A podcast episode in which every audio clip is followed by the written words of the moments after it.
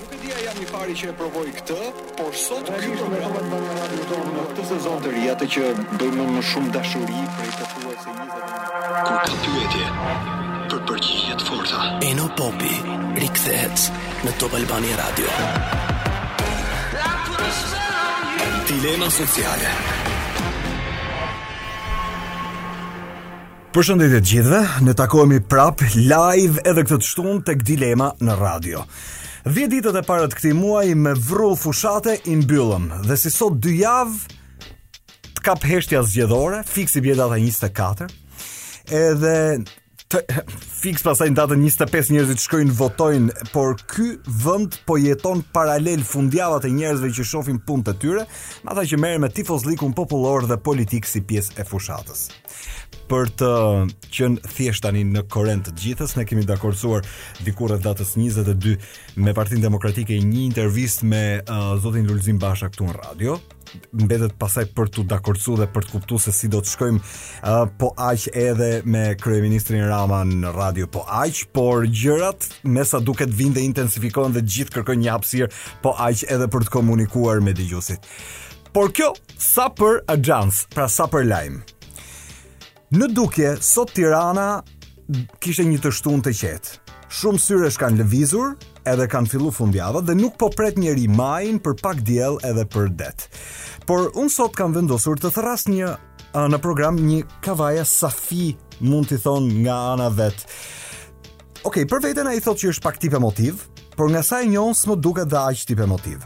Që nga situata më e sikletshme kur u desh të kapej me grushta për të mbrojtë shokët, para ca kohësh në Beograd kjo histori, deri kur tentuan ta përzinin nga fusha e vet për muhabet politike.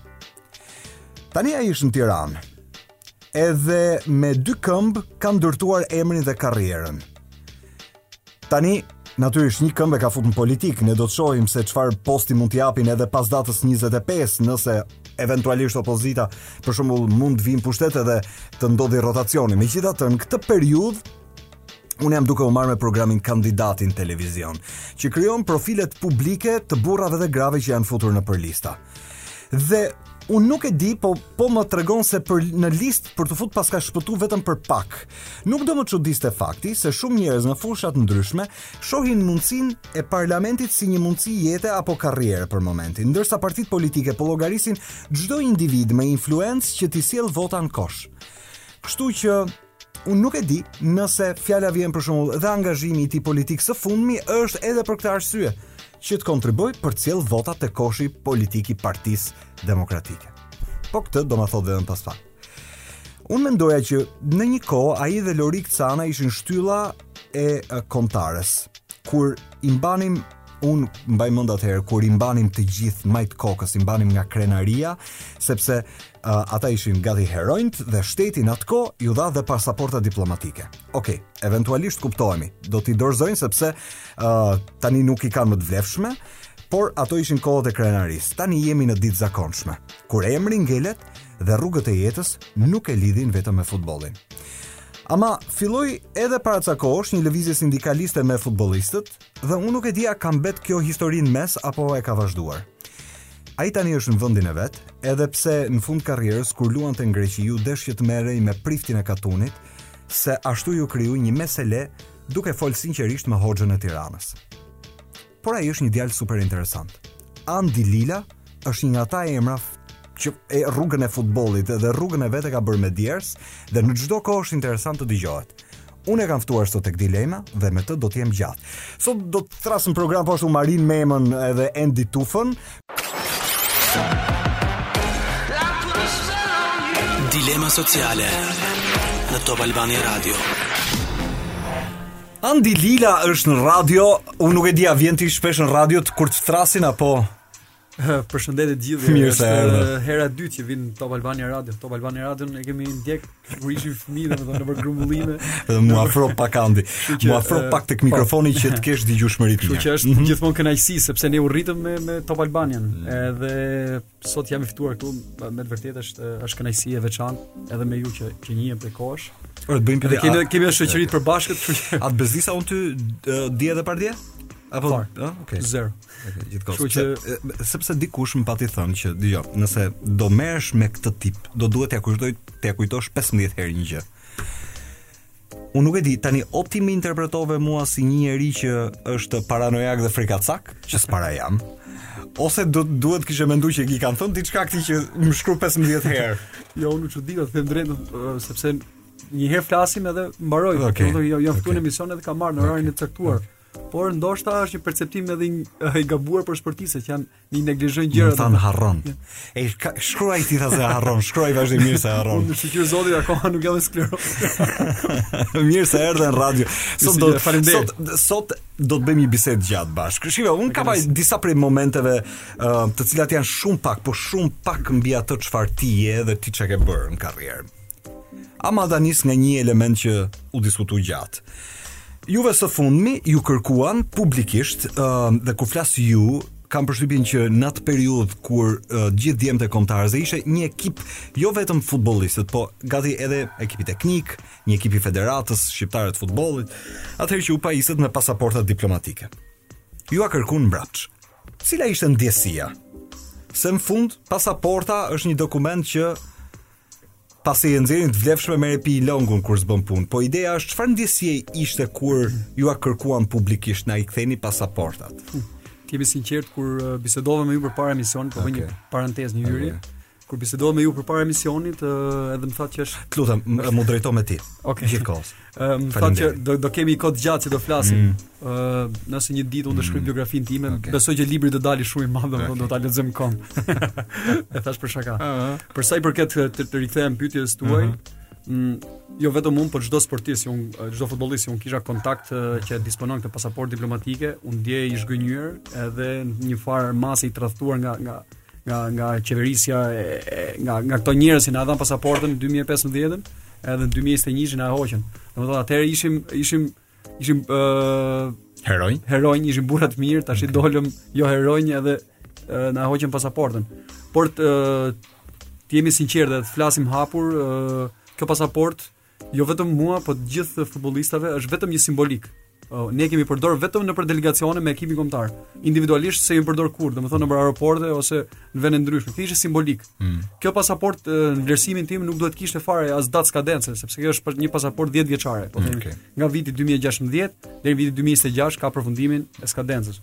Por në vlerësimin tim, kjo pasaport nuk duhet kishte limit kohor, sepse jo. këto njerëz e nderuan Shqipërinë, e çuan Shqipërinë në Europë, Për herë të parë, Shqipëria u përfaqësua me një eveniment të jashtëzakonshëm ku kryeministri i vendit i shpalli sportistët më elitarë që kishin kaluar ndonjëherë në në në nëpër Shqipëri, domethënë sportistët më më që i dhan i dhan vlerë u këndu hymni në finalet e kampionatit evropian. Gjithë Europa foli mirë për të gjithë shqiptarët, si për ekipin kombëtar okay. edhe për tifozët. Edhe në fund fare ndeshjen me Rumaninë, që ne fituam, domethënë fituam një, një finale brenda finaleve të Europianit. Ë uh, mbas neshjes, më kujtohet kryeministri i mm. vendit uh, në një telefonatë që kishte me presidentin e federatës, zotin Duka, uh, tha që i gjithë ekipi kombëtar do të do të pajiset me pasaportë diplomatike. Dhe më kujtohet në rikthimin tonë, pasaportat diplomatike u u bënë për 2 orë. Do të ishte një surprizë Me të vërtetë ishte surprizë e mirë. Ju dhanë, ju dhanë shumë mirë. Okay, okay. Por vjen momenti që këto pasaporta na i heqin në një natë gjatë dimri, mm. kujtohen, thonë këto ishin heronj, tash nuk janë më heronj, sepse jo, kam përshtypjen që e interpretoni kështu kur thuhet nuk janë më heronj se se ka s'ka guxuar askush në një sens. Unë shikoj ti tani natyrisht ke bashkëpunimin tënd me Zotin Basha dhe kjo është zgjedhje personale. Ama ti e kujton atë rrokjen e duarve përqafimet që ke dhënë me Ramën? Uh, unë jam shqiptar. Okej. Okay pa diskutim që ë uh, ne jemi shqiptar, jemi një gjaku, jemi okay. bashk për një qëllim madhështor, ne jemi të gjithë bashk. Mm -hmm. Ekipi kombëtar i bashkoi gjithë shqiptarët, jemi të gjithë koshient për këtë. ë uh, Po si mundesh që ti uh, si kryeministër po themi që mm -hmm. rrokim duart që thoje Xhani o Xhan, Xhani De Biazit, edhe vjen dita dhe i heq pasaportën diplomatike, domethënë është një mungesë respekti e theksuar. Prandaj është një është një një një velje e pushtetit të këtyre që është pa diskutim duhet duhet një një, një minutë më parë që mbas datës 26 ne të flasim ndryshe sepse Unë kam marrë garancinë e zotit Basha që këto pasaporta okay do të vazhdojnë të jenë të vlefshme, jo vetëm për 10 vjet, por do rinovohen edhe më mbrapa. Unë do të jap shumë pak akses për fushat politike. A di pse? Sepse mendoj që uh, pastaj do të do quaj kohë e faturume. por, ama nuk e injoroj dot angazhimin tënd në politikë. Gjithmonë, unë e thashë ndonjëherë bëj ca pyetje që Çfarë duan këta njerëz me politikën? Çfarë i duhet politika? Fjala vjen. Një sportisti të konsolidum, një inxhinier, një mjeku, uh, një profesori universiteti. Pagi unë kam dy profesorë të mi të universitetit që janë në listat e PD-s. Pra fjala vjen, ti ndonjëherë pyet, nuk ka rëndësi kemi njerëz po aq miq e shok të njohur që janë në listat e socialistëve. Ti pyet që janë mirë në pozitat e tyre profesionale. Dhe befas pastaj afrohen te politika. Kur politika t'u afrua ty, apo ishte krejt e kundërta, ti u afrove atyre. Për ç'arsye?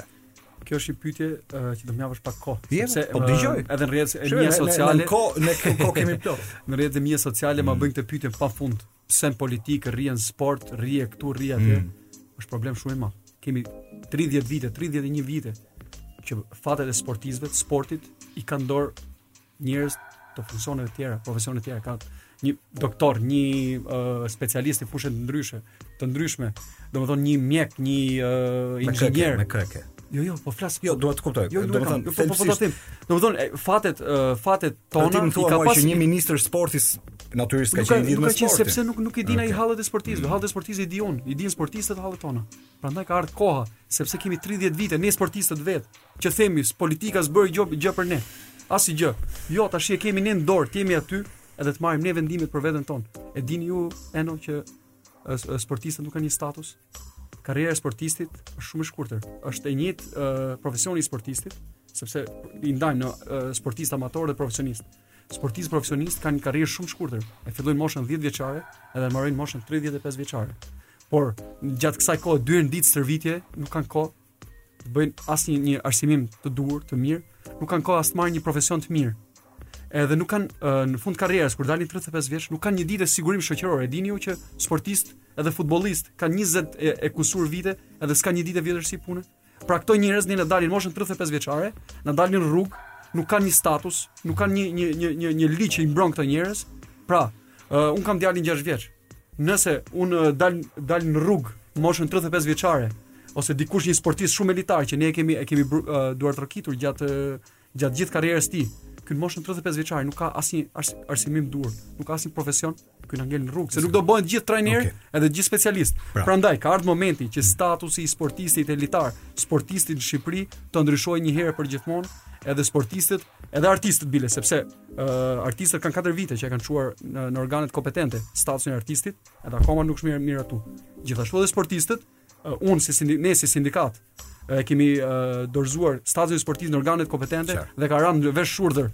Prandaj ky është momenti që ne ndryshojmë një herë për gjithmonë fatet tona ë t'i marrim vetë në dorë. Prandaj është arsyeja prandaj që ne, ti ke bërë hap para. Ne mos qurravitemi te politika. Ne mos qurravitemi dhe themi që politika okay. s'bëri asgjë për ne, ne ne ngelëm, jemi mrapa, jemi kështu. Jo, tash ta përdorim ne politikën për të arrit objektivat që sportistët të jenë nderi i këtij kombi siç janë dhe artistët. Mos merren për okay. sepse kjo është në vazhdë Eno, më lutem jam kotësh. Jo, po po dëgjoj. Uh, Ndodh që nxjerrin artistët në orën 5 të mëngjesit, shembin teatrin, i nxjerrin me shkelma me dhunë.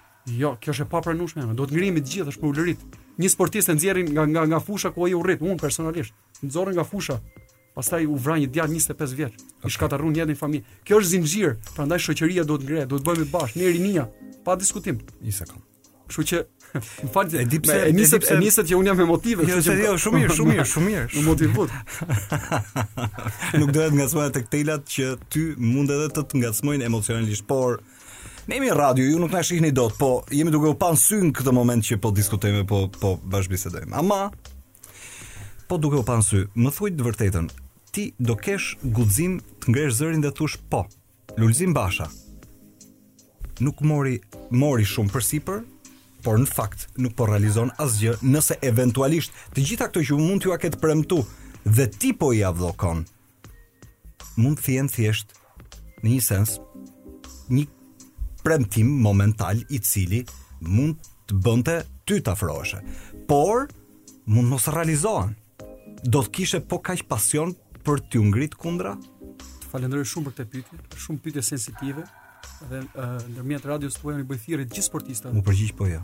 Jo, jo, do ta do më japësh fjalën. Ë, uh, gjithë sportistave i bëj thirrje, votojnë votojnë Partinë Demokratike. Sepse është ndryshimi në sport sepse un në bisedën në bisedën drejt për drejt me zotin Basha. Jo, jo, më dëgjo, jo, më dëgjo. Në bisedën në bisedën drejt për drejt me zotin Basha i kam thënë sportistët janë me ju sepse në 8 vite nuk janë dëgjuar fare. Kisa dikte. Por, por, nëse nëse jo, jo, nëse mund të jenë edhe jo, nëse, po, jo, po, më le të ta mbaroj nëse, po, thashë edhe nëse. Ja, po, e kam thënë në bisedën me zotin Basha. Nëse sportist, nëse nuk realizohen këto gjëra që ne themi për sportin, këto mhm. pika themeltare për sportin, do t'i kthehet sporti bumerang, do t'i shkojmë te kryeministria, t'jap fjalën e nderit. Un bashkë me gjithë sportistët, familjarët e sportistave, tifozët do t'i shkojmë te kryeministria, kryeministrit ardhshëm Basha, edhe do t'i thyjm xhamat e kryeministrisë. Kaq po them. Fjalë nderi. Inçizojeni e ruajeni këtë gjë. Okej. Okay. Nuk e di përgjigja saktë apo. Jo, rregull, nuk e un nuk të peshoj dot përgjigjet. Sportistët, sportistët për të mirën e sportit këtë herë besojnë Andi Lilën, besojnë. Andi i dashur, unë nuk peshoj dot përgjigjet, përgjigjet janë tuat. Pastaj publiku i peshon në sensin uh, midis asaj që dëgjon dhe të vërtetës. Nuk, nuk mundesh ta bëjmë një poshtë me një. Dilema sociale. Dilema sociale në Top Albania Radio. Mirë, unë vazhdoj të kem në studio uh, Andi Lilën, po kam thirrur në program Endi Tufën. Shi pe, Endi Tufa është një njeri i cili uh, për shkak edhe të karrierës së gjatë tani më me uh, me sportin, raportimin e sportit i njef këta çunat e kombëtares tek e tek. Edhe natyrisht ka histori të shumta. Mirëmbrëma Endi. Mirëmbrëma, mirëmbrëma. Shi pe, unë nuk e di çfarë, uh, ça marrëdhënie është kur takohesh jashtë me uh, Andi Lilën, uh, në marr për shembull rrug apo mund t'ju kapim uh, një ku e di un një vend nuk e dëgjon? Jo. Okej. Okay. Jo. Po rregull se përpiqem që të e dëgjon tani. Jo. Ah, okay. Endi vetëm do më japësh një sekond sa të sistemoj e dëgjon tani. Tani po. Ah, okej, okay. rregull. Pra kur takoni ju të dy përballë njëri tjetrit, kush flet i pari, flet ti apo flet ai? Sigurisht që kemi kemi shumë gjëra për të thënë ne të dy sepse në momentet ë, që fla, që jemi gjatë punës, Andi Andi kryesisht është në emocionet e ndeshjes, unë jam në emocionet apo në në, në presionin e punës për të dhënë lajmin dhe për të për të raportuar, kështu që kemi pak i i kemi të shkurta ato ë, diskutimet, apo i kemi thjesht kanalizuar vetëm tek pjesa profesionale apo asaj ngjarje që ndodh në ato momente. Më pas, sigurisht nisur nga raportet e gjata që kemi, kemi edhe marrëdhënie më personale dhe kemi dhe sigurisht edhe diskutime më shoqërore për të diskutuar gjatë gjithë ditës apo gjatë gjithë periudhës që nuk shihemi nga nga njëra periudhë takimi në tjetrën. Dëgjo. Uh, unë e di që ti tani nuk do të kursehesh, por do të thuash vërtetën, ja, pse do kursehesh? Do të thuash vërtetën. Në fakt, a ka qenë uh, Andi Lila, uh, një prej uh, më problematikëve në kombëtare, ka qenë një prej njerëzve që i kanë ndihmuar çunat e kombëtares, ka qenë një prej njerëzve që ka qenë shtyllë në kombëtare. Ka vetëm diçka, vetëm diçka për ta përkufizuar. Ka rivalizuar vazhdimisht me Lorik Canën, pra m'i thuaj ca të vërteta që vetëm ti i di. Andi Lila, Andi Lila për shembull, nëse e kujtoni gjithë atë festimin e famshëm të tij në Europianin uh -huh. 2016, uh -huh. është pak a shumë uh, karakteri i Andi Lilës, pra njeriu që uh, është njeri i skuadrës, njeriu që feston me skuadrën, njeriu që feston për skuadrën dhe padyshim një nga ato njerëz që jep shpirtin për skuadrën. Kështu që në të, në të që duke si u pasën kjetë mija se shambi aty, Por është kjo është e vërteta dhe deri diku për sa i përket ato që karakterizon Andin, sepse unë e kam parë e kam ndjekur gjatë lojës, jashtë loje, gjatë periudhës që përgatitet për ndeshje të caktuara dhe kam përshtypjen që është nga ata njerëz kur thonë që më më më jep rininë mbrapsht dhe do t'ju kthej gjithë paratë që, që kam që kam marrë nga futbolli.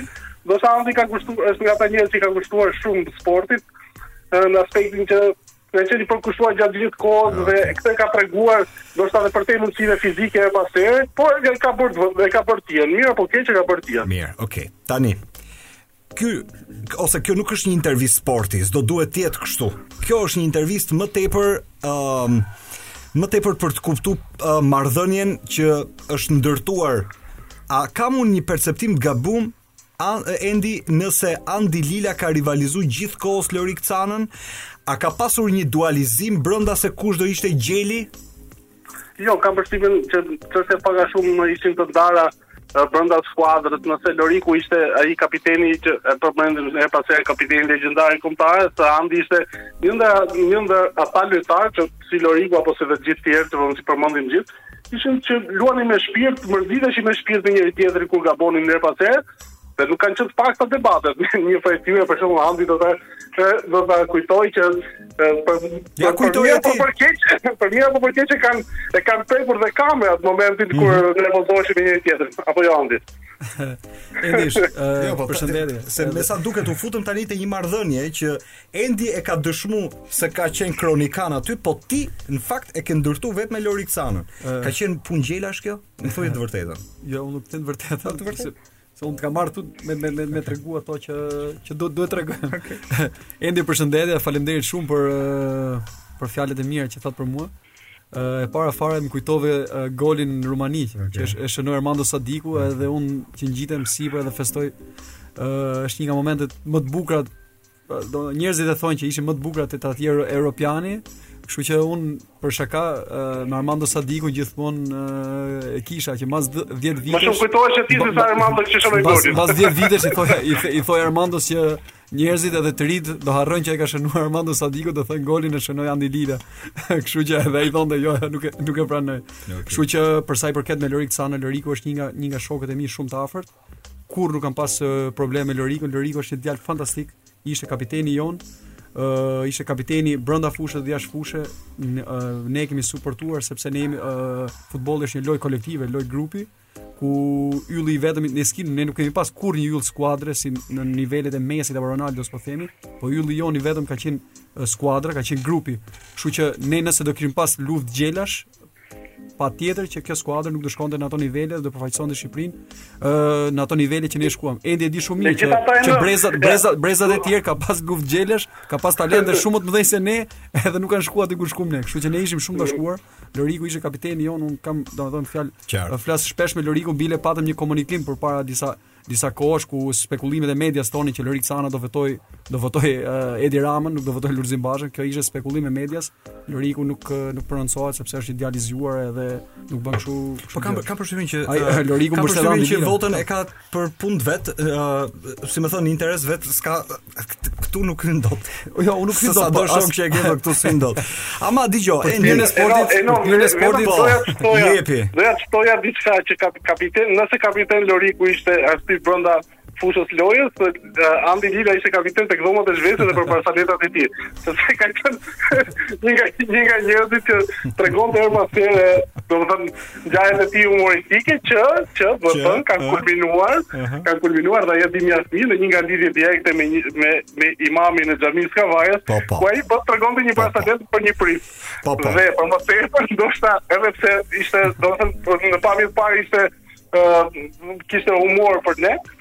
Po po, Andi ka vuajtur shumë në po, karrierën po. e tij dhe ndoshta mund të tregoj diçka më tepër. Unë e kam lënë, e kam lënë p, e kam lënë për ta ngacmuar uh, në pjesën e fundit, uh, sidomos uh, kjo ishte Unë e thash uh, kur po bëja uh, hapjen e programit, thash që në ndoshta në momentet kur uh, nuk ju desh fare kjo historia me uh, priftin e katunit se bisedote me hoxhën e Tiranës, që se, se okay, unë e kuptoj kjo puna e besimit është personale, po e kam lënë pak për në fund. Ama një pik që dua t'ju uh, fus të dyve është një moment që ju të dy e keni hequr në kurriz në një mënyrë apo në një tjetër, ka qenë situata në Serbi.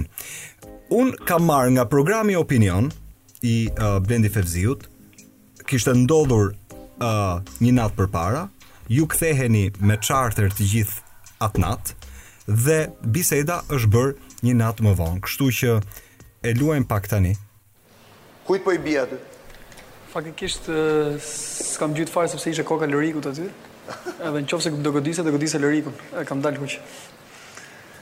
Ishte ndeshje e vështirë? E kisha përgatit veten në atë mënyrë që të isha sa më i qetë, sepse nga natyra jam tip emocional, edhe e kisha përgatit veten që të isha sa më i qetë para ndeshjes, derisa u futa në stadium. Pastaj ë 32.000 vetë ishin të jashtëzakonshëm, ishin si një trup i vetëm, se dhe ofenduese sepse ishin po, nëpër stadiume të ndryshme kemi pa grupe të ndryshme 2000 3000 veta që janë Janë gjithmonë aktivë ultra dhe huliganë, kurse në stadiumin e Partizanit të Beogradit pashë 32.000 vetë që ishin të jashtëzakonshëm, si trup i vetëm edhe gjithë kohës thonin vdekje shqiptarëve. Pastaj, kur u futëm në nxemje, ishte e njëta gjë, aq më keq kur këndohej himni i flamurit, po, që u fishkëllye, që nuk dëgjohej asnjë gjë, edhe përballë meje, Kur këndonim himnin kisha një një djalë të ri serb pa bluzë, besoj që ishte i drogum dhe gjithë kohës unë këndoja himnin para tij, para syve të tij, po nuk dëgjoja asnjë gjë. Po. Vetëm koordinohesha me, me, me pankinën, me stolin, më ashtu. Edhe ai gjithë gjithë kohës ka fshon dhe duart edhe çirrej. Unë nga, ino, nga përkundrazi më del edhe adrenalina atë moment, e këndoja himnin e më jepte dëshirë që ta këndoja me sa fuqi kisha. Shikoj, unë do të do për këtë detaj do pyes vetëm pas pak uh, Andi Lilën, ama uh, Endi para se ta mbyll me ty. Beogradi i tregoi këta çuna në një dimension tjetër. Sigurisht Beogradi më më më të tregoi të gjithëve dhe na na vuri gjithë uh, në na doli ajo ndjenja patriotike që okay. pasi ndoshta ndoshta shqiptarët e Shqipërisë përkundrejt Serbisë e kanë patur dhe diku më të fjetur se sa okay. shqiptarët e Kosovës, por që gjithsesi ajo ajo ndeshje ka patur emocione shumë okay. dhe se do ta kjo është pyetja e fundit dhe ta mbyllim. Uh, po këta që i kishim heronjt e ditës i harrum shpejt? Po jo. Më ndo m'u duk se i harron shpejt me gjithë atë. Okay. Na janë shfaqur meme posta për politikë tash, kështu që okay. nuk e harroj dot. mirë, Endi, natën e mirë. Faleminderit. Natën e mirë. Okej. Dilema sociale në Top Albania Radio. Ti tani mund ta kujtosh me gallatë këtë historinë e Serbisë, por ka qenë uh, U rrëqeth. Rrëqethëse. Unë kisha shumë kohë që s'e ngjoja, domethënë. Vetëm afro pak tek mikrofoni tani. Ah, jemi jemi po, po filloj. filloj. Këto janë 3 minuta të tua për Serbinë. Ëh, uh, jam domethënë kur e e dëgjova veten time që të flisa në vitin është 16 tetor 2014 mm -hmm. mos gaboj. Ëh, mm -hmm. uh, ky regjistrim tek Opinion tek Fevziu. Ëh, mm -hmm. uh, dhe flisa me shumë emocion. Nuk e kisha dëgjuar asnjëherë, hera e parë që e ngjoj mas shumë vitesh. ë uh, ishte me shumë ndjenjë. Por të jemi të sinqertë, ajo ndeshje është futur në kornizë, është nderi i jetës time, mm -hmm. edhe mhm. jetës besoj të gjithë futbollistëve, sepse treg tregun të u treguan dinjitozë në stadiumin e Beogradit ku rrezikuan jetën e tyre.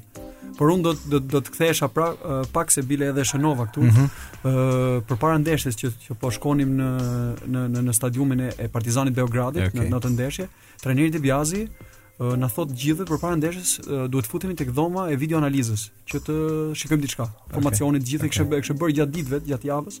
Por kurrë nuk na kishte thërritur 5 minuta përpara se të hipnim në autobus për me shku në stadium. Edhe u çuditëm faktikisht. Edhe vin uh, vin në një video projektor tek video analiza në video projektor vendos uh, pamje motivuese, të jashtëzakonshme, pamje gjendje lufte për ne, sepse tregonte kosovarët që iknin me traktore që vinin për në Shqipëri, tregonte të vrarët e familjes Jashari për çfarë qe ky warm-up psikologjik, psikologjik. Kjo edhe edhe edhe recit recitimi psikologjik. Recitimi i Reshat Arbanës o moj Shqipni, ajo që reciton e mjera Shqipni. Oh, Pastaj ë uh, okay. Tan domethënë djemtë e tu do do do të marrin përsipër, domethënë ishte një një karikim lufte i jashtëzakonshëm, që në dijeninë time nëse nëse UEFA në atë kohë do kishte informacion në gjyqin e Kasit që u bë për 3 mm -hmm. që u bë për 3 pikët, Ndoshta kjo mund të ishte një minus për ne në në palën paditëse serbe që që për do thoshin do thoshin se do dëgjoj. Këtyre u kanë dhënë një doping psikologjik. Personalisht unë kisha uh, me të thënë të drejtën uh, atë ditë lotët më shkuan kur kur kam parë videon, jo vetëm unë, por okay. gjithë lojtarët e skuadrës sepse gjysma e skuadrës ishte nga nga, nga Kosova. Pyetja, a i mban uh, marrëdhëniet me De Biazin akoma? Shumë të afërta. shumë të afërta, ë uh, e kam në momentin që unë u vendosa koordinator kombëtar. Okej. Okay. Koordinator kombëtar për sportin Partinë okay. Demokratike, një nga njerëzit që unë telefonova ishte trajneri De Biazi, ku ai ka eksperiencë të jashtëzakonshme në në në në në, në futboll. Qartë. Edhe pa diskutim ne na duhet na do na shërbej eksperjenca e tij për të ardhmen, sepse nëse Shqipëria do shkojë në çdo aspekt të jetës në Bashkimin Evropian, sporti nuk do ngelet mbrapa, do të shkojmë edhe ne si sport. Por do kemi kohë që të tregoj edhe për sportin kur ka hall. Un kam në studio akoma Andi Lilën, edhe do ta mbaj edhe pak sepse ok, okay ju thoni pak është komplet pjesa tjetër e programit, po kur ka gjëra për të folur edhe për të um, diskutuar me njëri tjetrin, ama um, sporti po aq është gjë ajo dhe më e rëndësishme zemra jote. A mendon se ekipi sot dhe kjo është komplet pyetje sportive edhe pse jam jashtë fushës. Kjo kombëtare që po lun sot është uh, në një nivel të mirë përfaqësimi, edhe pse rezultatet nuk po i ka si ju tamam. Uh, kjo kombëtare ka një grup futbollistësh shumë okay. talentuar ku vijnë nga nga vende të ndryshme të Evropës, ku janë rritur atje, janë stërvitur, kanë marrë një edukat perëndimore, po themi. Dhe un jam i bindur që kjo kombëtare do do ketë një të ardhme shumë të mirë. Do doja shumë që të kishte ë sepse kombëtarja përbëhet sot nga 97% po them sepse vetëm vetëm një futbollist është nga kampionati shqiptar. Do doja shumë që të kishte edhe shumë futbollistë, disa futbollistë kampionati shqiptar. që të përfaqësonin vendin tonë sepse në fund fare kur futbollistë kampionati shqiptar përfaqësojnë uh, ekipin kombëtar, uh, është edhe një reklam për kampionatin okay. tonë. Kështu që un kam un kam kam shumë besim, uh, trajneri Reja është një trajner që ka një eksperiencë shumë të gjatë, ka qenë trajner uh, në Serie A ku ka 300 ndeshje, por edhe mosha e tij ndoshta nuk e lejon që okay. të, të vijë në Shqipëri të shikoj futbollistin nga afër. Më hiq një kuriozitet. Si jo uh, një ndjekës i jashtëzakonshëm i sportit, po thjesht me perceptim. Un mendoja që ekipi juaj ku praktikisht Loriku ishte brenda dhe De Biazi, un nuk e di nëse ka pas po aq një ndikim sa mundej federata me zotin Duka aty brenda. Ishte fortesa e fundit e ndalimit të futbollistëve të Kosovës për t'ik Sepse ajo që ndodhi eventualisht më pas është që të paktën në performancë uh, rezultatesh, Kombëtarja e Kosovës tregoi që edhe pse e re fare ishte më mirë se ne dhe talentet e tyre kudo që i mblidhnin ishin më performant se ne. Gjithashtu edhe un jam uh, jam i bindur që pra ikët ju dhe pastaj edhe... uh, eventualisht u hap rruga ata ikën po aq. Do të ndodh, ishte ishte e natyrshme, është natyrale që futbollistët me me shqiptar me origjinë nga Kosova do të përfaqësonin ekipin e Kosovës, sepse janë edhe uh, rrënjët e tyre në ato treva. Edhe ishte e natyrshme që ne të kishim uh, rrjedhje të futbollistëve nga Kosova ku i kanë dhënë tonin uh, ekipit kombëtar në gjithë këto vite. Uh, un un kam kënaqësi dhe jam jam shumë krenar që un kam uh, bashkëluajtur me me me futbollistë të jashtëzakonshëm me domthon shqiptar të Shqipërisë edhe shqiptar të Kosovës, edhe të gjithë trevave shqiptare. Ama në edhe ekipi u diskutua ekipi shumë një moment po ikin s'po ikin, ë? Se ftesat i erdhën nga Federata e Kosovës.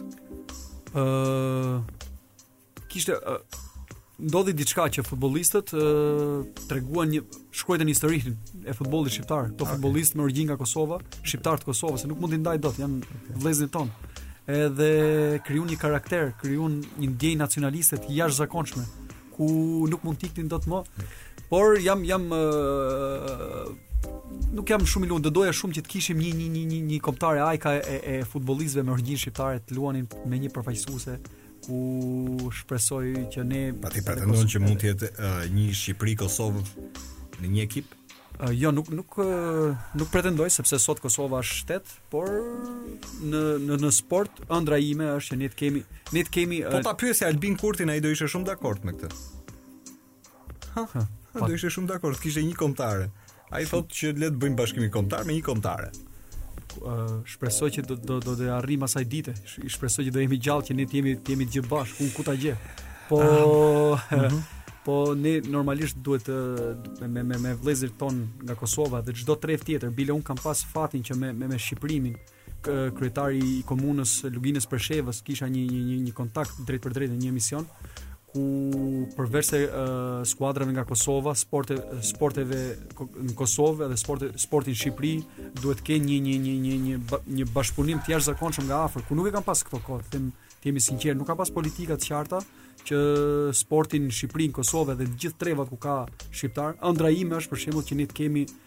Ne kemi një kupë pavarësia në futboll, po duhet të kemi në të gjithë sportet përfaqësi edhe kupa edhe edhe që të gjithë uh, sportistët mbar shqiptar të luajnë edhe të tregojnë veten, konkurrojnë midis njëri tjetrit edhe ne të zgjedhim ajkën ku të përfaqësohemi në arenën ndërkombëtare. Si po drejtohet sot Federata Shqiptare e Futbollit? Ça çfarë mendimi ke ti? Unë sot që flasim jam uh, kryetar i sindikatës futbollistëve profesionistë shqiptarë, okay. opozita e, e federatës. Nëse do flasim për pra, e ke direkt me zotin Duka? Jo, jo, nëse do flasim për ekipin kombëtar, okay, ekipin kombëtar okay. shqiptar është ka të njëjtat kushte, të njëjtat parametra siç i ka ekipi kombëtar spanjoll, siç i ka ekipi kombëtar anglez, okay. siç i ka Real Madridi, Barcelona, mm. edhe përgëzoj zotin Duka për këtë gjë. Un kam qenë pjesë e ekipit kombëtar që në vitin 2001 e deri në vitin 2019. Atëherë, por, por, se është por-i tani. Ku? Por kampionati shqiptar, kampionati shqiptar Len për dëshiruar. Kampionati shqiptar len për dëshiruar. Politikat në kampionatin shqiptar kanë qenë të tmerrshme për sportistët. Sportistët, futbollistët shqiptar janë njerëzit më të persekutuar sepse e thashë edhe më parë, ka futbollistë që kanë një karrierë 20 vjeçare dhe nuk është paguar një ditë sigurime shoqërore. Vjetërsi pune nuk kanë. Këto dalin dalin në mbas karrierës edhe bëhen halli i shoqërisë. Bëhen ë bëhen ngarkesë për familjet. Sepse kur je 35 vjeç, ke kriju dhe familje. Pastaj nuk do punojnë gjithë futbollistët e, trajnera. Jo gjithë futbollistët punojnë menaxherë, jo gjithë futbollistët punojnë specialistë. Prandaj kemi futbollistë sepse janë shumë futbollistë që lejnë futbollin po nuk kanë një profesion të caktuar. Sa njeh ti që nuk kanë një status. Njeh ti, uh, pra, këtë do ta mbyll me kaq. Pra, sa jo. njeh ti që që kanë mbetur rrugëve. qindra, okay. qindra, qindra. Ka futbollistë që kanë pasë karrierë. Unë tani... të përmend them. Pra, ne themi ë uh, profesioni jonë është si si si profesioni min, minatorit, është si profesioni i ushtarakut. Kemi një status kur mbaron një pension okay. parakoshëm. Prandaj themi dolim pension moshën 35 vjeçare. Po pra, ta respektojmë këtë. Moshën 35 vjeçare, fillojmë ta respektojmë. Paktën të ketë një pagesë dinjiteti, po themi. Pastaj për sportistët elitar, ku ne kemi propozuar statusin e sportistit, nëse do më lesh ta ta ta, ta po, mbaroj. Po, po, Ë, unë e them gjithmonë Eno. Ne rrotën nuk e kemi shpik. Rrotën e shpikën disa të tjerë, ne e përdorim. Hajde ta përdorim mirë në mënyrën e duhur, edhe për sportin. Prandaj, ë, po them vetëm një shembull, shumë sportist na ikin shumë sportist na ikin edhe përfaqësojnë shtetet e huaja, sportist kampion Evrope, kampion olimpik. Unë po të jap vetëm një shembull, në Greqi, Pirro Dhima. Pirro Dhima iku hmm. përfaqësoi, pse mos përfaqësonte Shqipërinë, fitonte medalje olimpike, ne nuk kemi. Okay. Uh, por përveç se Pampuri që është ka marrë këtë medalje olimpike. Do pyes Marin Memën për shembull për uh, zgjedhjen, fjalë që sapo the, ai mund të kishte ça të më tregonte, por për pak do ta pyes për një gjë tjetër, lidhur Po me aq zhurmë që shkakton ai vend fqinj atje, ku ti ke lëviz. Dilema sociale. Votuar programi më i shumë pritur i sezonit. Mirë se u rikthyet në radio. Un kam Andi Lilën akoma në program dhe kur ti rrugëton me personazhin natyrisht ka ca momente të jetës të cilat të të cilat kur do t'i rihapësh si kapitull jete, gjen aty ca ndodhi Dhe historia ka qenë kështu. Andi Lila me Armando Sadiku në një dhomë, thrrasin hoxhën e Tiranës Ahmed Kalaja, Natyrisht puna vet pse fusin uh, në dhomë dikë që e kanë marrëdhënie miqësore dhe e, po aq e, e, e shtyrë edhe nga besimi i tyre personal. Në një video të cilën uh, Hoxh Kalaja e regjistron punë gallate grupi për ta hedhur online, natyrisht tregohen histori ku Andi Lila tregonte një histori me priftin grek që vizitonte shpesh skuadrën e tij Janinën. Dhe historia merret dhe natyrisht në një formë instrumentalizohet ku ajo që u desh më vonë ishte një kërkesë falje dhe ndjese, Po për ty dhe për këtë do të flasim vetëm pas pak a ka qenë kjo e detyruar vetëm për shkak të kontratës dhe deri ku mund të shkojë një njeri që të luaj pak me egon dhe burrninë e vet. Po un kam uh, thirr në program uh, një mik të mirë që është Marin Mema. Mirëmbrëma Marin. Mbrëma. Ëm, uh, shi Marin, un i thash Andit sot dëgjo, kam thirr në program Marin Memën, edhe tha kënaqësi un vetëm e shoh nga ekrani s'jemi has ndonjëherë, kështu që ja dëgjoni tani kështu në radio. Përshëndetje Marin. Përshëndetje, përshëndetje. Kënaqësi. Mos mos gaboj, jemi takuar në 2013 tek tifozët kuqezi, ju jeni themelus, themelus i, i tifozëve kuqezi. Jam pjesë, pjesë, nuk e gjoj vetëm as njerëz me luftë. Pjesë e tifozëve të Chelsea. Okej, kënaqësi gjithsesi. Shumë e di pse uh, kam thirr Marinin në radio, sepse Marini kupton shumë mirë çfarë do të thotë kur uh, në marrëdhënie me sidomos raste të uh, futbollistëve shqiptar, gazetarëve shqiptar, um, historianëve shqiptar, ka pas një instrumentalizim të medias greke deri në përçudnim të personalitetit. Nuk e them këtë pa sens, sepse do vij tek pika e kërkimit të faljes në një moment. O Marin, e kanë sport vazhdimisht këto mediat e, e, e vendeve fqinje? Po le të ngelemi te Greqia, se ti e ke provu dhe në kurriz në një sens.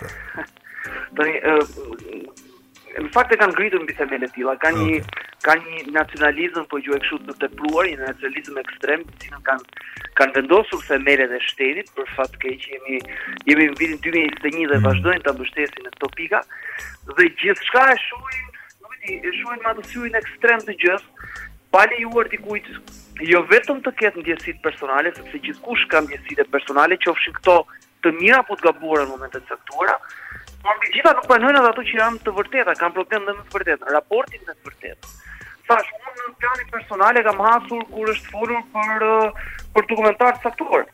Unë prej tashmë 9 vitesh jam non grata në Greqi. Për shkak se Jo se kam marrë, nuk e di, një kalashnikov apo një bombë për ta hedhur dikund, por sepse kam treguar të vërtetat e shqiptarëve në Çamëri apo në zona të tjera ku kanë jetuar shqiptarët autoktonë. Kjo nuk është një gjë e shpikun. Ashtu siç nuk është një diçka tjetër e shpikur nga dikush tjetër që është shqiptar. Pra, kanë krijuar një raport shumë të drejtë me të vërtetën. Kanë dëshirë të shohin atë që duan, kanë dëshirë ta shohin për më tepër ashtu siç duan. Okej. Okay. Duke mos i mundësuar të tjerëve që të thonë edhe atë që është e vërteta. Qartë, megjithatë Marin, më vjen mirë, qëndrojmë pak këtu. Pse e kanë instrumentalizimin apo nxjerrjen ndonjëherë të kontekstit për të ngritur urrejtje Qoftë edhe Unë flas në rastin e Andi Lilës, në rastin që e përjetoi atë fortunën personale, po flas pastaj në në Shko, në nivel nacionaliteti. Në... Për çfarë arsye shkon deri në nivel përplasje? Shqiptari me gisht. Në momentin që ti edhe në mhm. momentin që ti nuk ke mundësinë t'i japësh një përgjigje reale apo t'i përgjigjesh të vërtetës, sepse nuk ke një të vërtetë që t'i përgjigjesh të vërtetës, nuk ke një fakt që ta hedhësh poshtë të vërtetën, atëherë do të duhet ta instrumentalizosh, të ngresh kudo që mund histori të tilla, të deformosh histori të tilla, të tilla, t'i quash njerëzit radikalë, t'i quash njerëzit të lidhur me rryma të caktuara, kur në fakt nuk janë, detyrosh njerëzit deri në pikën se nuk është vetëm rasti i Andit, unë mbaj mend edhe rastin e Ervis atë që veshi veshi një bluzë tursi që i ndaj në Kosovë dhe u bë një fortunë e madhe në në Greqi se kishte veshur një bluzë të tillë. Mm -hmm. Pra, kjo është kjo është në fakt edhe faji jonë, që i kemi mësuar pak keq në këtë pikë. Në ky dielli nuk është vetëm i i i Greqisë, i Serbisë apo i dikujt tjetër. Ky është dhe i shqiptarëve. Dhe uh, kemi të drejtën tonë dhe ne të Ta shohim dhe të ngrohemi nën këtë diell apo t'i besojmë gjërat ashtu siç janë, jo siç duan të tjerët. Ti e mban mend rastin? Po patjetër, okay. patjetër që e mbaj. Se ndoshta vetëm uh, po të pyes tani uh, me kjo është pyetja e fundit dhe kështu direkte, po ti e vlerëson gjestin e kërkimit të ndjesës, por Ajo që të acaron më tutje, nuk e di, është mënyra si u interpretua ndjesa në Greqi. Ndjesa u interpretua si ulje koke në Greqi. Shiko, neve kjo pjesa e uljes së kokës është një gjë që shkon shumë përtej, është një histori që lidhet me mënyrën se si i kemi perceptuar ne marrëdhëniet në nivel shtetëror me Greqinë. Ne gjithmonë kemi qenë si të përulur përballë shtetit grek, në fakt jo vetëm Kundër Greqisë, po në përgjithësi rrezik. Na duket sikur po kemi i kemi borxh dikujt dhe nuk duam të themi më shumë se ç'duhet, na duket sikur themi më shumë se ç'duhet dhe po të përmendim Çamërinë, madje na rrjeta na kërkohet edhe hiqeni Çamërinë fare apo hiqni elementë të caktuar të historisë apo do bëni si themi ne. Do të thotë është diçka që e kemi krijuar ne vetë këtë pjesë.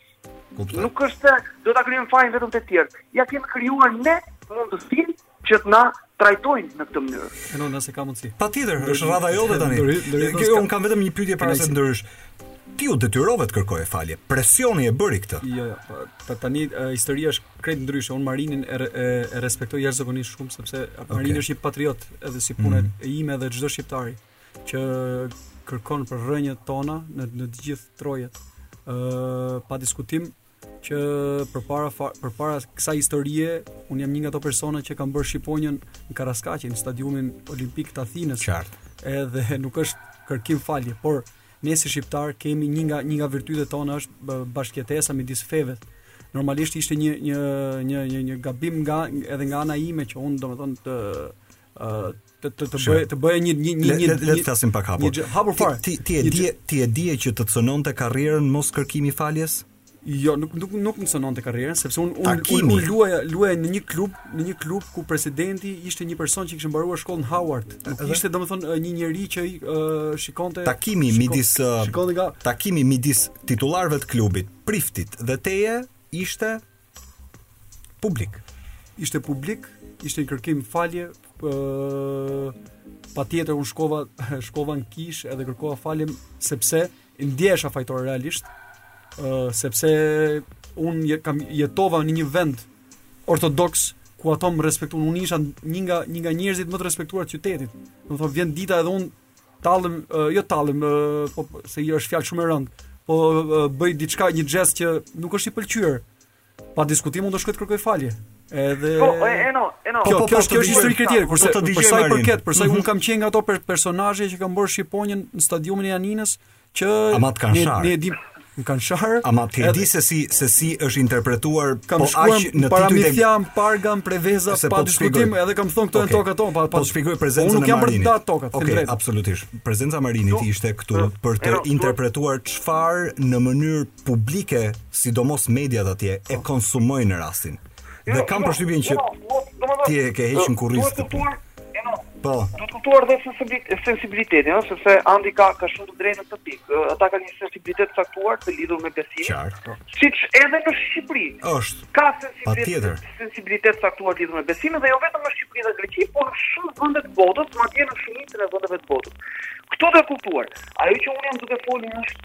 për një për një histori që shkon përtej kësaj historie, është një histori pak më e madhe kjo historia që them unë. Okay. Është një histori që lidhet me raportin midis Shqipërisë dhe Greqisë. Në rastin konkret ai e e di shumë mirë perceptimin që ka aty brenda. Unë e quaj normale nëse nëse një komb ndihet i fyer se ti ke prekur besimin, nuk ka asnjë asnjë problem që ti edhe të kërkosh falje. Nuk ka lidhje kjo pjesë. Më dhe unë jam shumë pro kësaj historisë së bashkjetesës, mm -hmm, po. së ecjes përpara, mm -hmm. së të parit të një të ardhmeje të përbashkët. Prandaj dhe gjithmonë kam thënë, dhe në këtë pik lidhet pasaj historia dhe raporti midis Shqipërisë dhe Greqisë. Mm -hmm. Kam thënë që ne kemi nevoj të ngrem ura bashkjetese midis Shqipërisë dhe Greqisë. Por ura si koncept është ngritur, është ndërtuar, apo që është shpikur nga njeriu, nuk e di. Për të kaluar jo vetëm një palë, po për të kaluar, për të kaluar dy palë, tre palë, katër palë. Në rastin konkret, këto urat e bashkëjetesës gjithmonë janë përdorur vetëm nga njëra palë. Unë kam dëshirë që ne të shkojmë para të gjithë bashkë, duke kaluar të gjithë bashkë në këto ura bashkëjetese. Marin, unë të falenderoj që ishe në program.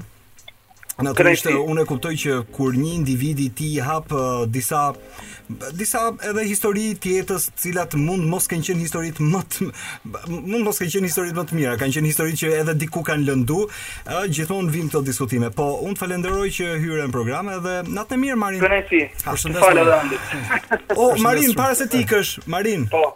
Po, uh, i kishte kërkuar Çuni një dhuratë Andi Lilës. Ma trego pak këtë historinë, Andi vetëm dëgjoje pak. Marin shumë me lezet kur djali okay. mbushi 6 vjeç edhe unë i them me çfarë personazhi ti don që të pa, po, flasësh. Pa. Po. Edhe mendova gjithë gjithë kohës se do okay. të kërkojë një një një futbollist, po okay. them ose një sportist, okay. ose dikë një këngëtar, okay. po them okay. ose këngëtare. Edhe di që ç'më tha? Dua tha që të flas tha me Muhamed Veliun. e habitë mo, Muhamedi, edhe e mo, gjeta numrin e Muhamed Veliut dhe dhe e mora me kamerë ku Muhamedi e uroi edhe e falenderoj publikisht. Ishte kërkesë. po kjo, kjo, kjo ishte për konsum të brendshëm. Natën e mirë, Marin. Shëndet, mirupafshim. O, oh, shive, vetëm pas pak. Do të të pyes për një tjetër situatë të sikletshme. Me të përzon nga shtëpia, kam përshtypjen që ty nuk ka lënë shije të mirë. Ëm um, përderisa gjëra bëhen publike. Edhe zgjedhjet që bën gjithsecili në jetë janë personale, përfshirë edhe zgjedhjet politike.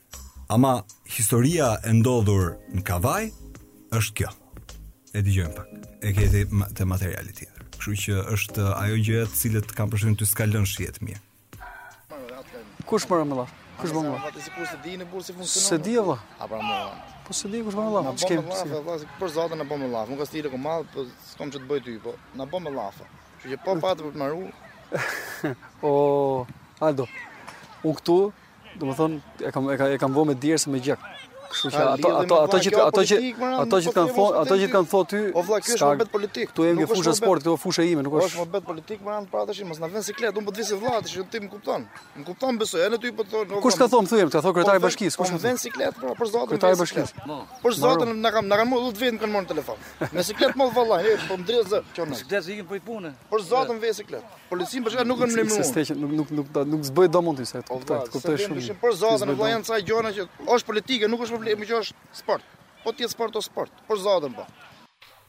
Pra, për gjithë ata që na dëgjojnë në radio, historia ka qenë kështu. Andi Lila shkon në Kavajë në stadiumin e qytetit. Rrjedhimisht, aty dikush njofton policinë bashkiake për prezencën e sportistit në fushë, që po regjistronte punën e vet një intervistë. i kërkojnë që të largohej, duke i treguar se në fakt ishte e gjitha çështje politike për shkak të afilimit personal. Dhe e gjitha duke u vënë në siklet njerëzit që ju dëgjuat duke komunikuar se i luhej deri buka e fëmijës. Ok, jetojmë në një vend i cili këto i ka gjëra gati të zakonshme. A din, njerëzit kanë frikë, diku frika bën që edhe pastaj të kapen me njëri tjetrin kur luhet sidomos kjo pjesa që dikush jep një urdhër vertikal tek dikush tjetër, këto janë histori shqiptare, nuk kanë ndodhur tani. Kanë ndodhur në kohën e Berishës, kanë ndodhur në kohën e Nanos, kanë ndodhur në kohën e Ramës, po ashtu kur Lul Basha ka qenë ministër, urdhra politike janë dhënë gjithmonë, tipi nxirre kët kape këtë hiqe atë etj etj. Çfarë ndjesie pate kur ti shkon gati në shpinë tënde që është fusha ku ti je rrit fëmijë, praktikisht ke vu një emër si sportist dhe diku dikush thot dil i çik jashtë, dil pak jashtë. E no, patjetër kjo është një temë shumë sensitive nga ana ime personale. Nuk e kam përjetuar mirë. Jam ndier shumë i fyer, shumë i fyer. Okej, okay. sepse me të vërtetë është fusha ime, unë aty u rrita me sakrifica Të bëhesh sot sportist është sakrificë shumë e madhe. Po përveç kësaj është dashuria ime. Futbolli është dashuria ime. Unë çdo ditë të jetës time kam menduar edhe mendoj për për për për futbollin, për sportin. Ëh, uh, kështu që vjen dikush edhe thot kryetari i bashkisë Kavajës, uh, dil nga fusha, Po aty nuk po del Andi Lila. Që ndoshta edhe s'e ka thënë fare ai. Aty po del, po del. Se ti di nji herë ca njerëz janë më poshtë, janë më të zellshëm edhe thon, "Hajt mos kemi punë." jo, ai e ka thënë, okay. sepse se unë un, as s'e di fare s'e interpretoj dot. E për përkufizoj me kaq mm. uh, Sokrati, filozofi i famshëm thot, ka vetëm një të mirë thot, dituria. Ka vetëm një të keqe, padituria. Ato treguan padituri. Ato nxorrën uh, mirë keq me të mira dhe me të këqijat e mia Unë patjetër kam, kam një emër të caktuar, kam një profil të caktuar, kam një, mhm. një vendin tim në shoqëri, një vend të caktuar. Nuk mund të, nuk e thash edhe pak më parë nuk mund të nxjerrësh ti me shkelma artistët nga nga teatri në 5 të mëngjesit ti t'i keqtrajtosh a të shembësh teatrin. Nuk mund të nxjerrësh ti një futbollist nga fusha ku ai u stërvit edhe doli për jashtë. Kush nuk, domethënë shoqëria jon po shkon në rrugë të gabuar. Pastaj kjo është zinxhir. Edhe ë ta imagjinosh pastaj okay. n'fund të ditës u vra një djalë 25 vjeç nga shteti. Po kjo është zinxhir, kjo nuk vjen brenda natës. Kjo pra është ne të rinjtë duhet ta ndryshojmë këtë këtë mentalitet. Do ta ndryshojmë këtë mentalitet. Nuk do të ketë më kështu për shpërfillje. Ti je i atij krahu, nuk je me mua. Domethënë ose me mua ose kundra meje. Jo. Kjo është domethënë është e papranueshme. Un uh, jam ndier shumë keq në atë situatë, Ti ke edhe shpresoj shpresoj që mos i përsëritet as as kërkujt okay. se si mund ta nxjerrësh ti për shembull po të jap një, një shembull të thjeshtë. Sokol Kushtën nga nga stadiumi Flamurtari. Jani Kaçin nga nga stadiumi i Skënderbeut. Lorik Canën nga stadiumi i Lacios. Si mund ta nxjerrësh? Po është e papranueshme apo? Jo, dakor, me ty jam. Kjo që me ty. Prandaj që edhe edhe ne bashk, domethënë si si po si rini. Po me vëmendje unë si, thash, janë histori shqiptare s'na çudisin më atë. Si po. si domethënë ne ne ne gjithë si shoqëri duhet ta mbrojmë njëri tjetrin në këto në këto injoranca në në këto padije që tha edhe Sokrati që tha e keqja më madhe është padituria. Ëm uh, prindrit jetojnë Kavajë. Po. Çfarë thot uh, baba ka qenë një ëndër e realizuar e familjes, karriera jote, angazhimi, krijimi i emrit familjes, një lloj krenarie për Lilat. Çfarë thon prindërit? Si uh, sinqerisht si çdo prind kur fëmija i ka një një karrierë caktuar, okay. uh, ndihet krenar.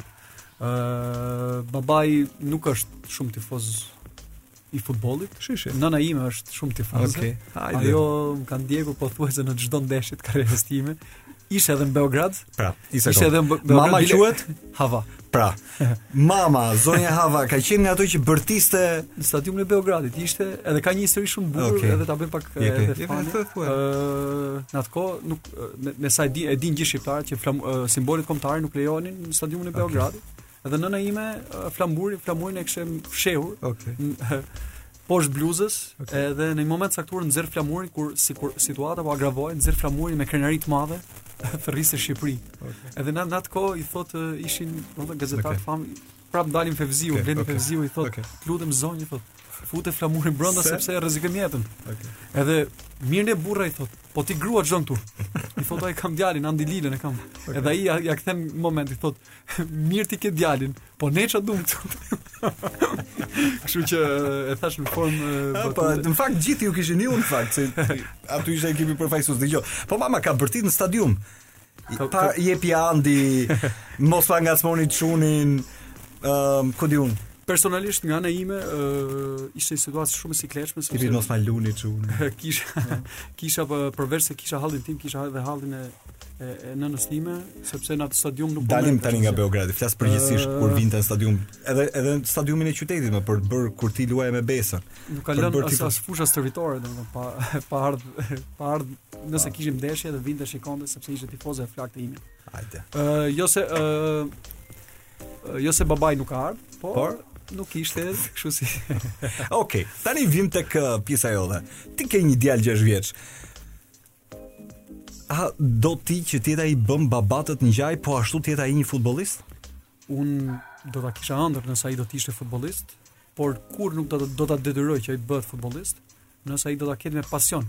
Ashtu siç se nëse e them për çdo të ri. Si e ka marrëdhënien tani me topin. E them për çdo të ri, okay, të lutem, okay, sepse okay. është edhe si mesazh. Çdo okay. i ri duhet ta dashuroj pasionin, nëse e ka pasion për futboll, për çdo lloj sporti, ta dashuroj pa diskutim do t'i arri. Andi Lila nuk kishte ndonjë ndonjë talent jashtëzakonshëm, ama e dashuronte futbollin, e dashuronte mm. e, e kishte domethënë jetonte çdo çdo minutë, çdo sekondë me këtë. Por djali im kaq sa domethënë mhm. është në akademinë Zëri. po është 6 vjeç, kështu që akoma nuk është në mu nuk më duket, domethënë syrin tim si si specialist. Ama kam përshtypjen që je më shumë kërkues se ç'duhet ti. Jo, unë nuk shkoj, në stërvitje rrallë, rrallë shkoj, kështu që akoma, akoma është shpejt që ne të gjykoj, unë të gjykoj që të them do bëhet apo nuk do bëhet. Hmm. A ka pas momente që ke menduar që gjëja më e mirë që ke bërë në jetë është kjo? Uh, kam e ke e ke menduar ndonjëherë që ti mund të kishe qenë diçka tjetër dhe dikush tjetër përtej futbollit? Unë njoh shumë prej jush, s'po përmend emra tani, të cilët kur i pyet thonë që ok, kanë qenë vite të mira, vite të arta, por nëse do të ishim investuar në një profesion tjetër, karrierat mund të kishin qenë më të konsoliduara.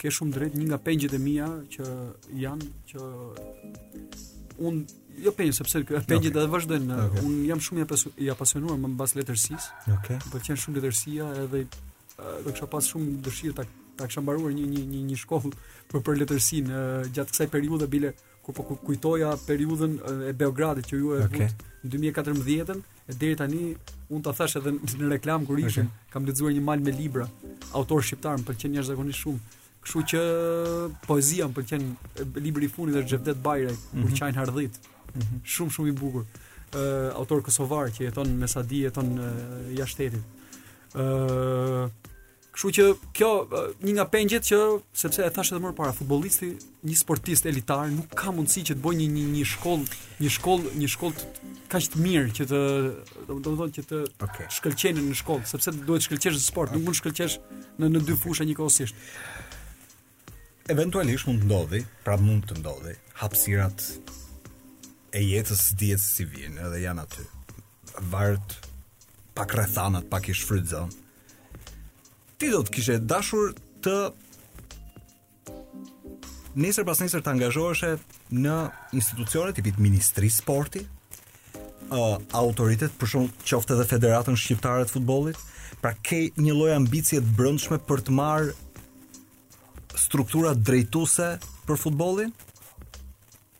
Po, jo. Ti e di vetë. Pa diskutim që po. Okej. Okay. Unë prej dy vitesh jam presidenti i sindikatës së futbollistëve profesionistë shqiptarë. Është një sindikatë që unë e kam themeluar vetë. Isha anëtar kryesie e sindikatës greke. Kështu që Kjo më ka ndihmuar shumë. Po ndi- ndryshon pjesa sindikale. Procedurës, në anën më ka ndihmuar shumë në anën në anën e procedurës. Uh, unë i di me me detaje problemet e sportit shqiptar. Kështu që kjo uh, përfshirja ime në politikë edhe programi i Partisë Demokratike për sportin është i jashtëzakonshëm, quhet Pro Sport, ja po po zbuloj diçka të re okay. në emisionin tuaj. Uh, sepse kryetari jonë do të do ta zbulojë okay. edhe programin e sportit, do do ta tregojë okay. me, me detaje se çfarë është. Ë uh, quhet Pro Sport, uh, ku do ndahen kategoritë profesioniste, kategoritë Kush është ambicia direkte? Le të të pyes uh, direkt, kush është ambicia direkte? Ku do ti që të kontribosh që nesër po të dha mundësia? Federatë Shqiptare të Futbollit, Ministri të Sporteve, ku do të shkosh?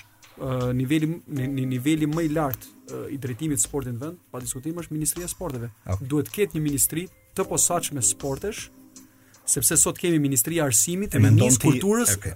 dhe Sporteve. E mendon veten ministër Andi? Prandaj duhet ta tregoj, po ti nuk okay. më le që ta tregoj të nga nga nga nga. Po më ikën koha dhe shive unë doja të mbaroja një pjesë të pyetjeve kyçe. Ti do ta doje e shef veten ministër? Mendoj që jam gati për të kontribuar në përmirësimin e sportit shqiptar që është në një derexhe që është në një rrugë pa krye, sepse nëse ne nëse Partia Demokratike do vim do ne do vim patjetër në pushtet sepse thashë a mënyret e fushave pra jo jo po ta them po. ne do të hedhim themelet për sportin shqiptar të okay. ri tani përqendrohen infrastruktura do jetë hapi jo, uh, do jetë a-ja jonë alfa, infrastruktura në dy dimensione. Të lutem, më le ta ta bëj. Jepi, po të dëgjoj. Dy, dy dimensione. Dimensioni i parë, ligji i parë që do kalojë në parlament për sportin do të jetë mosndërrimi i destinacioneve të terreneve sportive, fushave të futbollit, palestrave, pishinave e shumë sepse sot po shohim, po shikojmë, prishin fushat dhe ndërtojnë pallate. Prandaj, ë, uh, kjo është a-ja, b-ja, është që këto terrene sportive që janë të rikonstruktohen, sepse është detyrim kombëtar që ne t'i japim sportit për zhvillimin e tij. Sepse nëse ne do shkojmë do futemi në Bashkimin Evropian, pa diskutim sportin nuk e lëm dot. Bravo. Unë e vlerësoj vizionin që ke ti për sportin, por O Rande, a folëm ne që ramë të gjithë dakord që do bënim politikë sot jo? Jo. Atëherë pse pse bëj fastim boca gola mu po, dhe pa pa e kuptuar këtë punë. A e kishim lënë dyshe. Dhe kam dhe pyetjen e fundit dhe këtu e mbyll. Natyrisht që historia mund të ndodhë përsëri si veten. Ka plot lojtarë elitarë që befas një moment kanë një ëndërr të tyren që të drejtojnë ekipin e tyre përfaqësues. Emri i Igli Tares është qarkulluar vazhdimisht edhe para Edi Rejës. A mund të rikthehet Igli Tare si trajneri i Kombëtares? Igli vetë nuk e ka fshehur si ambicie. Ndoshta ai shef dhe maturon kohët e veta, është është koha e di vetë ai këtë histori. Sa për sa për sqarim, Igli Tare nuk është trajner, Igli Tare është drejtues i Lacios. Në mendimin tim Igli nuk do bëhet kurrë kurrë trajner. I Kombëtares shqiptare. Jo vetëm i Kombëtares, nuk është trajner Igli. Igli është drejt, drejtor teknik i ekipit të Lacios. Është folur emri i Iglit për të qenë trajner para se të vinte Edi Reja. Tani në këtë xhiro qarkullim emrash, unë po them çfarë çfarë qarkullon media. E no, jepi. Kthe përgjigje. Yeah. Igli Tare është drejtor sportiv i Lacios. Okay. Uh, Igli Tare është mik i imi dhe ë uh, ai kurrë nuk ka pas ambicie nuk, nuk, nuk, nuk e shpreh kurrë ambicien të drejtojë ekipin kombëtar. ë uh, në mendjen time kandidat për ekipin kombëtar ish ka qenë Besnik Hasi, okay.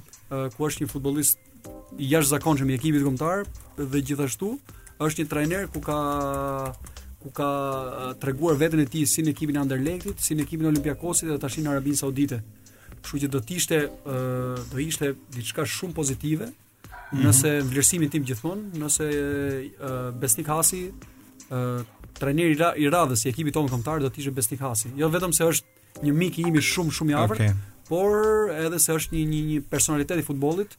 Në fakt është gjithashtu një profesionist i jashtëzakonshëm. Ndërkohë që unë po kërkoj 2-3 artikuj të cilat e kanë qarkulluar emrin e Igli Tares, edhe ëm uh, edhe edhe t'i tregoj.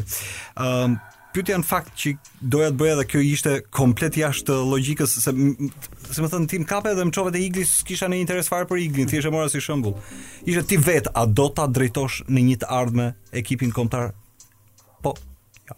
Jo. Jo. Se, uh, sepse unë unë uh, jam i kualifikuar deri në UEFA A okay. për trajner, por nuk kam ambicie që të bëhem trajner. Okej, okay, ja kaq. Kaq e thjeshtë ishte.